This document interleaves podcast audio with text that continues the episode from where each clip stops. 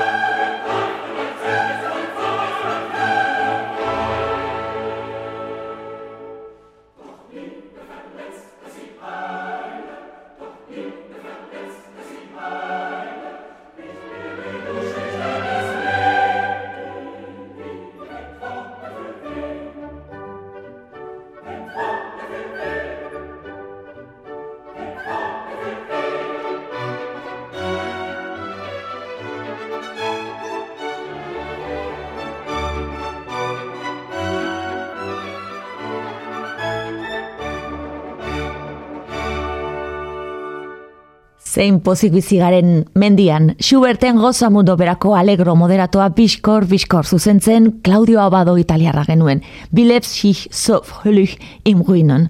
Milanen jaioa bere ibilbidea la eskalari oso lotuta egon zen, hogeita zei urterekin zuzendari titularra aukeratu zuten, eta handi gutxira konpainiaren buru. Eta Milango antzoki mitiko honetan entzun zituen aurra zela bizitzako lehen kontzertuak. Toskanini izan zen zuzenean ikusi zuen lehen orkestra gidarietako bat. Eta gerora, heldua zela gogoratzen zuen, fasismoarekin lotura izan zuen zuzendaria izan zenez, gorroto zuela. Askorako ematen du Claudio Abadoren biografiak, eta beste batean jarraituko dugu. Klasikoak eiteben. Orain itzordua dugu, bi trompeta jolean direkin, Otto Zautza eta Franz Wagnermeier.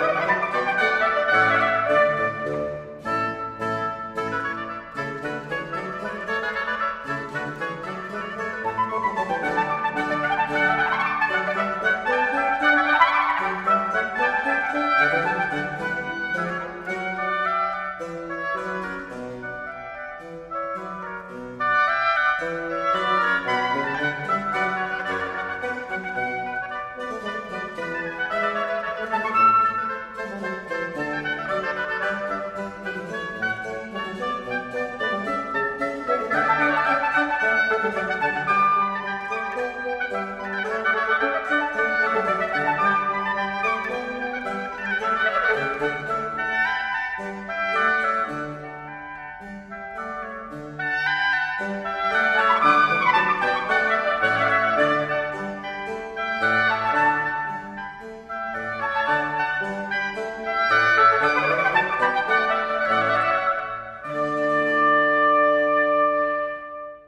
Nicole Maten batutapean aritu dira Kapela Istropolitana Orkestra eta Otto Zauta Maixuak Franz Wagner osaturiko trompeta duua. Moltaren Remaiorreko trompeta kontzertuaren alegro pasartea eskeni digute. Klasikoak eite ben. Abanera doinuz jarraituko dugu mundu erdia unkitu duen La Paloma entzunez. Batzuentzat Yesterday da, inoizko kantari grabatuena, baina beste estimazio batzuen arabera, The Beatlesen kantak baino berzio gehiago ditu, iradier arabar herriosarraren kantak. Eta hori bai ez datuz, Ego Afrikako soprano baten agotzean entzungo dugu. Pumeza, matxi kiza.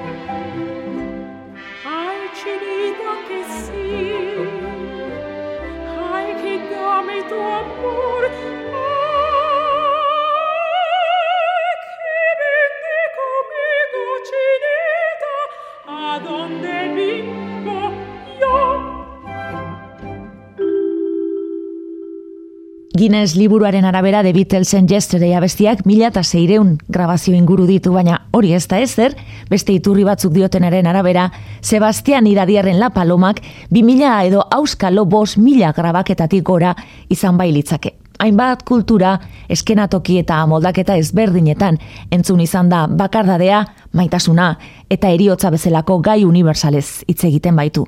Globalizazioari aurre hartu ziola esan liteke batere lotxari gabe internet sortu baino eun urtelenago. Klasikoak eite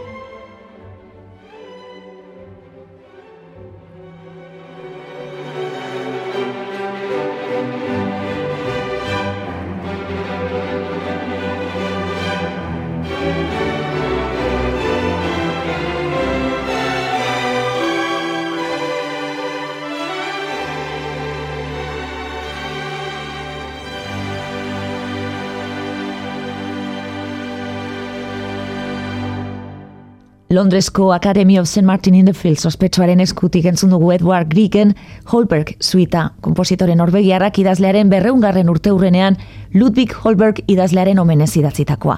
Obraren hasiera esken irigute, alegro bibatxe preludioa hain zuzen. Klasikoak eiteben.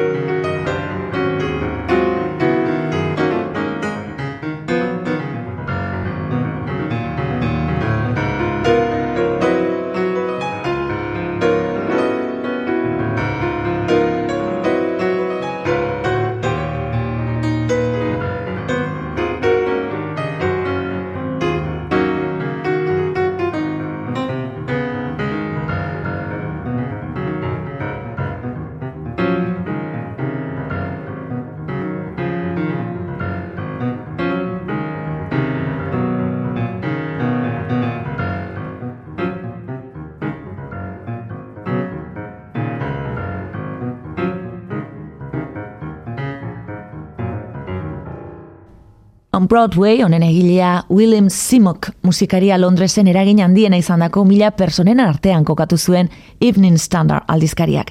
Musikari Britainiarra Keith Jarrett estatu batuarrarekin alderatu dute askok. Musika klasikoaren eta jasaren mugak austeaz gain bere sofistikazio harmonikoaren gatik. Eta baita ere, hain berea duen tradizio musikalen sinkronizazio burutsu horren gatik. Klasikoak eiteben.